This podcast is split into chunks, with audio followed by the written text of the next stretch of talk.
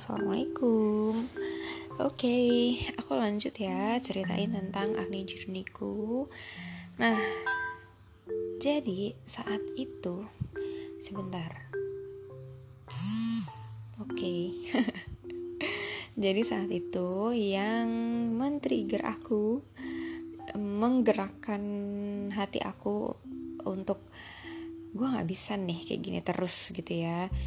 Gak bisa diem aja terhadap si jerawat-jerawat nakal ini adalah karena apalagi kalau bukan laki-laki.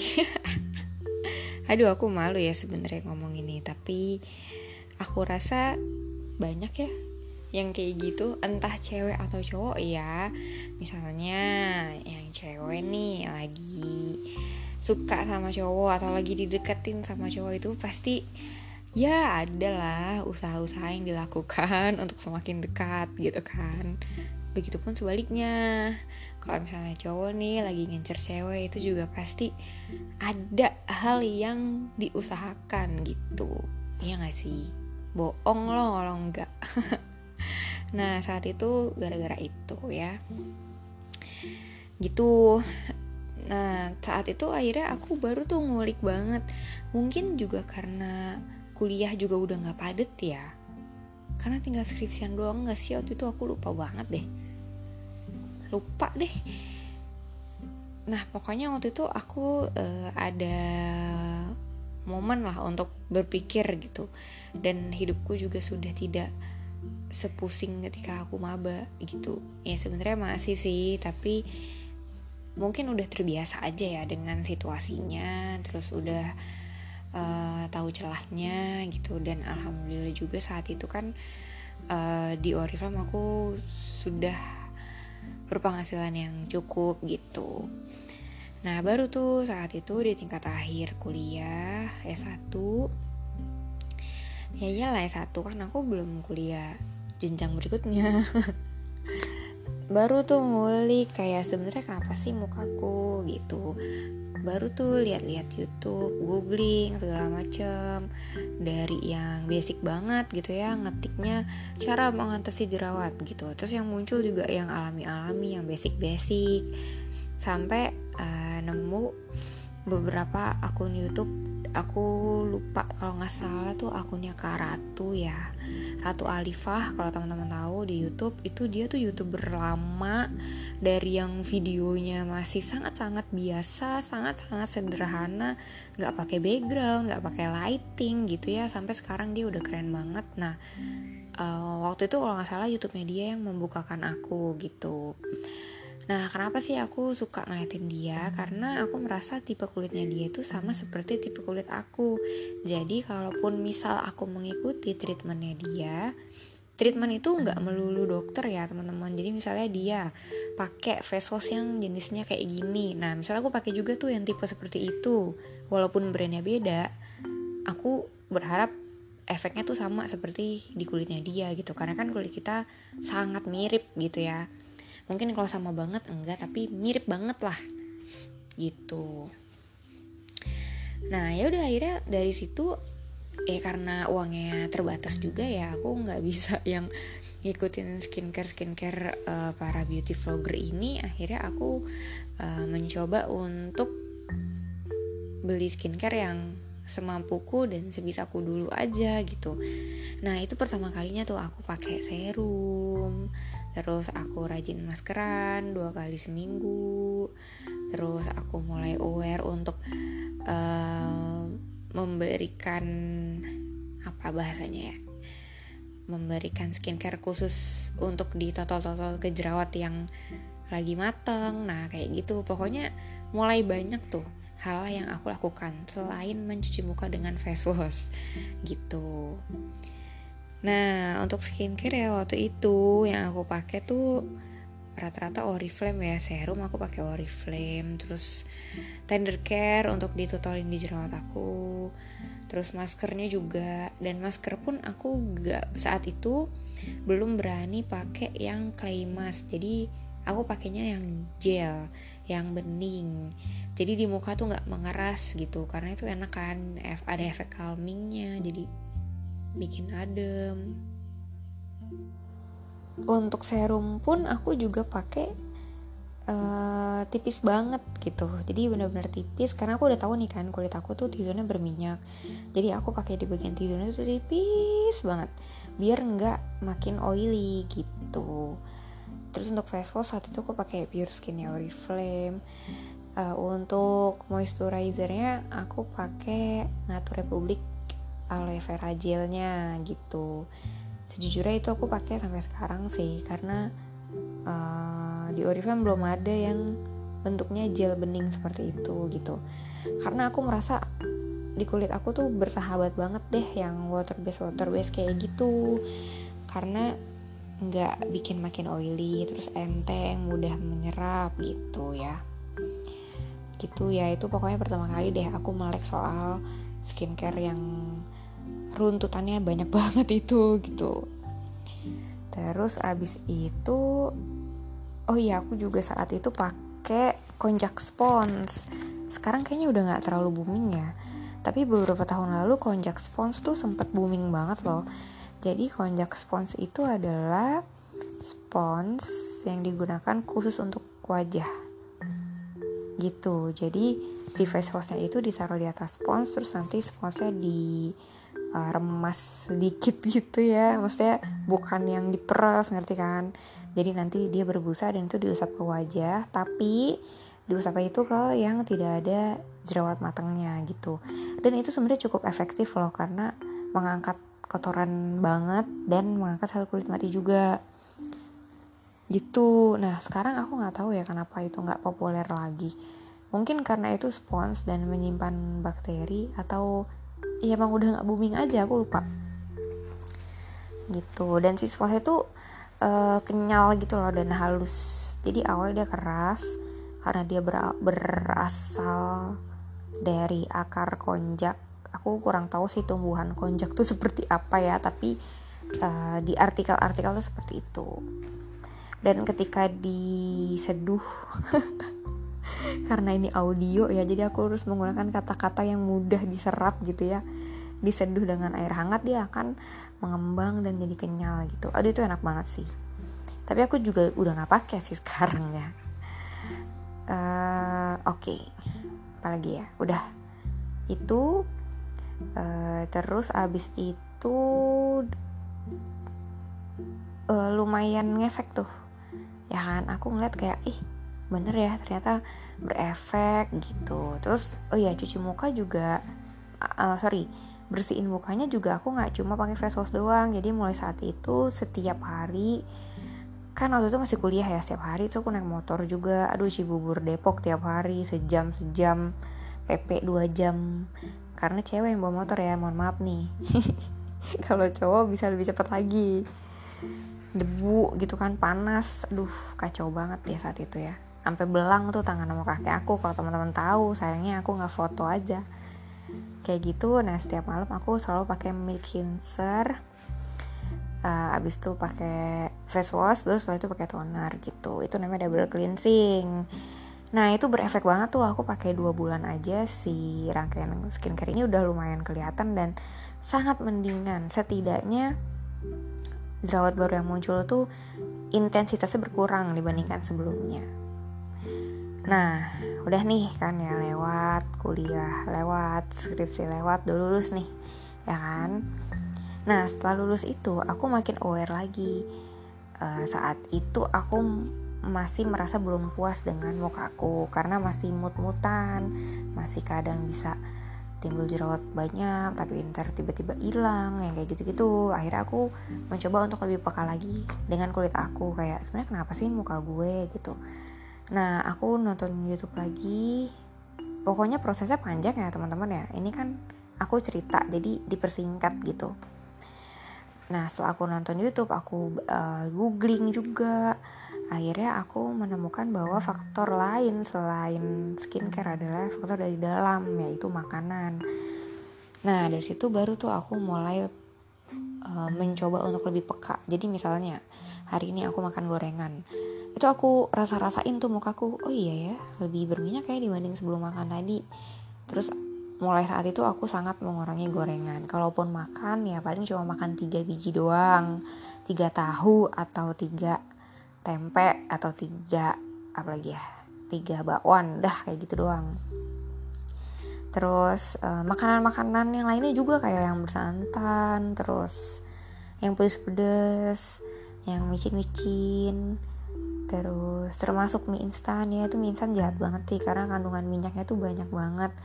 Soalnya di mie nya sendiri itu sudah mengandung minyak. Jadi kalau teman-teman perhatiin ketika merebus mie instan selain yang uh, diklaim dari bahan-bahan sehat gitu ya itu pasti air rebusannya itu udah berminyak gitu. Terus yang manis-manis coklat cake apalagi ya es krim kayak gitu-gitu itu aku rasa-rasain di mukaku dan aku baru sadar ternyata oh iya ya ngaruh banget nih gitu. Nah semenjak itu aku bener-bener ngontrol makanan banget. Awalnya memang terpaksa sih dan harus dipaksa gitu karena kalau nggak gitu ya nggak bisa ngerem. Dulu kan makan apa aja hayu gitu kan tapi semenjak itu aku bener-bener ngerem. Sebenarnya aku bisa makan gorengan, makan yang manis gitu bisa, tapi dosisnya itu lebih sedikit dibandingkan orang biasa gitu. Ya, nangkep ya maksudku ya. Seperti itu. Terus yang awalnya terpaksa ngerasa muka enak kan dan ternyata tuh ngefek juga di badan loh. Itu tuh menurut aku kayak uh, sambil menyelam minum air gak sih? Jadi fokusnya ke muka tapi ternyata badan juga ikutan enak kalau menghindari makanan-makanan yang tadi aku sebutin gitu nah udah terus aku dapat insight juga dari YouTube-nya Kak Puspita Mayangsari, dokter gigi. Dia itu pola hidupnya sehat banget. Jadi dia one day one green juice. Jadi dia setiap hari minum satu gelas jus uh, sayuran dan buah-buahan yang hijau. Aku lupa deh itu dia di mix atau enggak pokoknya dia setiap minum itu. Dan dia itu makan buahnya dua kali lebih banyak daripada orang biasa. Nah karena minum green juice buat aku tuh agak PR ya. Jadi yang aku ikutin adalah yang makan buahnya gitu. Nah setelah aku coba ternyata itu emang efek banget terutama buah nanas itu ngefek banget cepet banget ngaruhnya di muka. Aku ngerasanya lebih seger mukanya terus jerawat-jerawat juga sangat-sangat berkurang. Kalau makan nanas. Setelah aku cari juga ternyata karena nanas itu mengandung bromelain kandungan zat yang mencegah inflamasi gitu. Dan itu yang berefek ke mukaku. Jadi merah-merahnya berkurang otomatis ber jerawat juga berkurang gitu. Buah lain juga uh, berefek gitu ya bikin seger. Tapi yang paling kelihatan efeknya adalah si nanas itu gitu. Udah tuh ya kan? Apa tuh tadi? Jadi udah mulai uh, ngontrol makanan terus makan buah. Memang sih makan buahnya juga nggak yang sebanyak Kak Puspi tapi setidaknya yang tadinya makan buah tuh cuma seminggu sekali gitu kan. Aku berusaha untuk makan buah setiap hari gitu. Pokoknya gimana caranya deh walaupun nggak banyak banyak banget itu lalu yang berikutnya karena aku mulai sadar ya oh ternyata dari dalamnya aku ngaruh banget dibandingkan dari luar. Karena ada juga orang yang justru kebalikannya faktor dari luar tuh lebih besar. Kayak misalnya uh, pakai kosmetik yang bukan biasanya langsung jerawatan gitu. Nah kalau aku tuh kayak gitu sebenarnya malah enggak selama selama bersihinnya itu sangat-sangat bersih gitu. Nah terus aku uh, coba untuk makan tempe rebus. Ini juga terinspirasi dari dokter kulit Inong ya. Uh, dokter Inong itu dokter SPKK yang sebenarnya dulu lumayan terkenal sih. Dan kenapa aku percaya sama beliau? Karena beliau itu um, aku lihat di YouTube sih sebenarnya dia tuh suka ngisi kajian-kajian juga gitu kayak mirip dokter Zaidul. Makanya aku percaya dan waktu itu sempet banget udah ngantri di rumah sakit untuk treatment sama dia. Tapi jadwal beliau tuh padat banget dan kalau nggak salah itu lagi kuliah juga. Jadi aku nyerah deh kayak udah capek ah gitu. Karena udah bolak balik tiga kali ke rumah sakit yang sama dan ada aja gitu halangannya.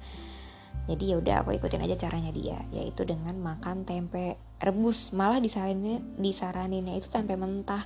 Tapi aku kayak belum sanggup aja kalau makan mentah. Akhirnya aku rebus direbus pun sebenarnya juga kurang baik ya teman-teman. Yang baik itu adalah dikukus. Tapi aku males nyuci dandangnya ya. Karena besar terus ada saringannya. Aduh aku ngerasa lebih simpel ngerebus aja lah gitu.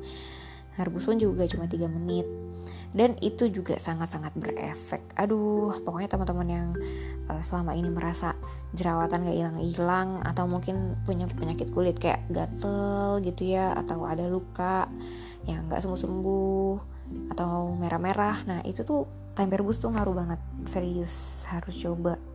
Dipaksa aja karena kalau nggak dipaksa tuh nggak bakal makan deh seriusan. Kalau aku tuh mikirin after effectnya sekarang. Jadi tiap makan apa pun aku mikir nih kalau gue makan ini bakal berjerawat gak ya? Gitu. Kalau misalnya aku siap muka aku berjerawat besoknya oke okay, aku makan. Tapi kalau aku dalam kondisi yang nggak nggak bisa ya udah nggak makan.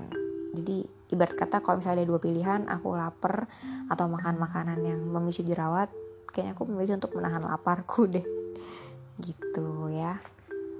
Nah tempe rebus ini uh, aku juga makannya nggak polos ya karena kalau polos juga kayak hambar banget itu tempe. Jadi ketika direbus itu aku kasih garam. Nah ketika disajikan di piring itu aku pakai kecap yang dikasih irisan cabai sebenarnya sambal kecap sih tapi gampangnya gitu aja lah biar cepet gak sih? Karena aku males gitu loh kalau misalnya lama-lama. Ya. Nah terus kalau misalnya di rumah ada oregano eh bukan oregano yang hijau parsley itu aku kasih juga parsley flakes ya yang udah kering. Terus uh, lada hitam juga sedikit gitu. Jadi kayak uh, salad tempe kali ya. Iya gak sih? Ya kayak gitu. Yang penting jangan terlalu banyak seasoningnya nanti malah jadinya hmm, hilang unsur sehatnya gitu.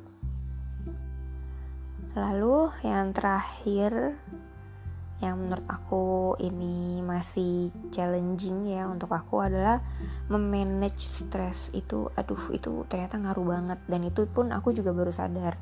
Kenapa waktu aku maba itu separah itu jerawatnya? Karena memang saat itu stresnya tuh klimaks banget deh kayaknya gitu. Nah sekarang pun juga sama kalau misalnya ada sesuatu hal yang membuat aku kepikiran akhirnya stres nah itu juga jerawat-jerawat muncul dan kayak membandel banget gitu. Dan itu sekarang jujur sih itu menurut aku lebih sulit daripada mengontrol makanan. Seriously gitu. Nah berkaitan dengan stres juga akhirnya berpengaruh ke pola tidur ya kan aku tuh ngerasain banget bedanya ketika tidur cepat dan bangun cepat dengan tidur lama. Maksudnya tuh tidurnya uh, dini hari banget terus bangunnya siang. Itu beda loh muka tuh lebih seger ketika tidur cepat bangun cepat gitu. Dan memang harusnya seperti itu juga gitu. Tapi biasanya kalau udah stres kan ngaruhnya ke mana-mana ya kan? Gitu dan stres itu juga sebenarnya nggak baik sih karena nanti jadi ngaruh ke fisik. Salah satunya yaitu jerawat. Atau mungkin ada juga teman aku yang kalau stres nggak jerawatan sih tapi jadi ke badannya tuh cepet banget. Kayak meriang lah inilah itulah gitu. Nah nggak mau kan kayak gitu. Gitu guys. Nah sekarang alhamdulillah banget mukaku sudah jauh lebih terkontrol. Aku bilangnya jauh lebih terkontrol ya karena tetep kok masih ada aja nih satu dua. Aku sih berdoanya pengen ya Allah hilang 100% gitu ya. Terus nggak muncul-muncul lagi karena pengen gitu kan kayak ngeliat yang lain tuh cantik-cantik banget kulitnya mulus-mulus gitu ya. Aku juga pengen gitu. Tapi ya udahlah. Gitu ya. Nah pokoknya uh, pesan aku buat teman-teman yang sekarang sedang berjuang melawan jerawat adalah jangan tergiur dengan sesuatu yang instan karena itu pasti ada efeknya dan efeknya itu jauh lebih PR. Jadi kunci pertama adalah terima dulu terus yang kedua harus peka sama kulit sendiri karena setiap orang itu kulitnya beda-beda setiap orang itu sensitivitas juga beda-beda pengaruhnya juga beda harus kenal sama kulit sendiri gitu dan coba untuk mengontrol faktor eksternal dan faktor internal juga. Terus apalagi tadi aku mau ngomong lupa deh tuh poinnya. Oh iya uh, tambahan sedikit. Kalau misalnya ditanya Kak Cita pernah ke dokter nggak? Jawabannya adalah pernah. Tapi itu pun juga sangat darurat ya menurut aku. Sangat kepepet karena waktu itu mau jadi bridesmaidnya teman aku. Jadi aku merasa nggak bisa nih muka gue nih. Kalau misalnya kacau banget gimana nih besok yang pada dandan cantik masa gue enggak gitu? Tapi setelah itu aku lepas dokter jadi aku nggak kontrol lagi. Cuma datang sekali doang dan itu pun dokter di rumah sakit. Ya karena aku nggak mau yang di klinik-klinik estetik gitu. Itu subjektif aku aja ya sebenarnya. Karena aku sangat takut kalau misalnya nanti udahannya makin parah gitu. Karena saat itu ya banyak banget yang kayak gitu. Yang perawatan ke dokter bagus terus pas lepas dokter kok malah lebih parah dari sebelumnya. Nah aku tuh nggak mau kayak gitu karena kayak aduh PR banget gue nggak mau. Gitu. Nah untungnya saat itu uh, dokter SPKH yang aku datengin aku cuma pakai treatmentnya sekali doang. Itu juga cuma skincare skincare ya. Jadi aku nggak suntik nggak yang kayak gitu-gitu. Dan memang berefek sih cepet. Aku lepas skincare pun nggak kenapa-napa. Akhirnya baru deh aku mencoba uh, skincare skincare baru yang itu juga nguliknya panjang prosesnya kepo-keponya panjang karena aku sangat berhati-hati untuk itu gitu jadi kalau misalnya teman-teman lihat sekarang aku pakai skincare A B C D E percayalah itu sudah melalui tahap demi tahap yang panjang gitu Oke deh, kayaknya itu aja yang mau aku ceritain. Ini udah panjang banget. Terima kasih teman-teman yang sudah mendengarkan sampai selesai. Semoga bermanfaat. Misal ada teman yang membutuhkan cerita ini, boleh di-share juga ke dia ya. Oke, terima kasih sekali lagi. Wassalamualaikum.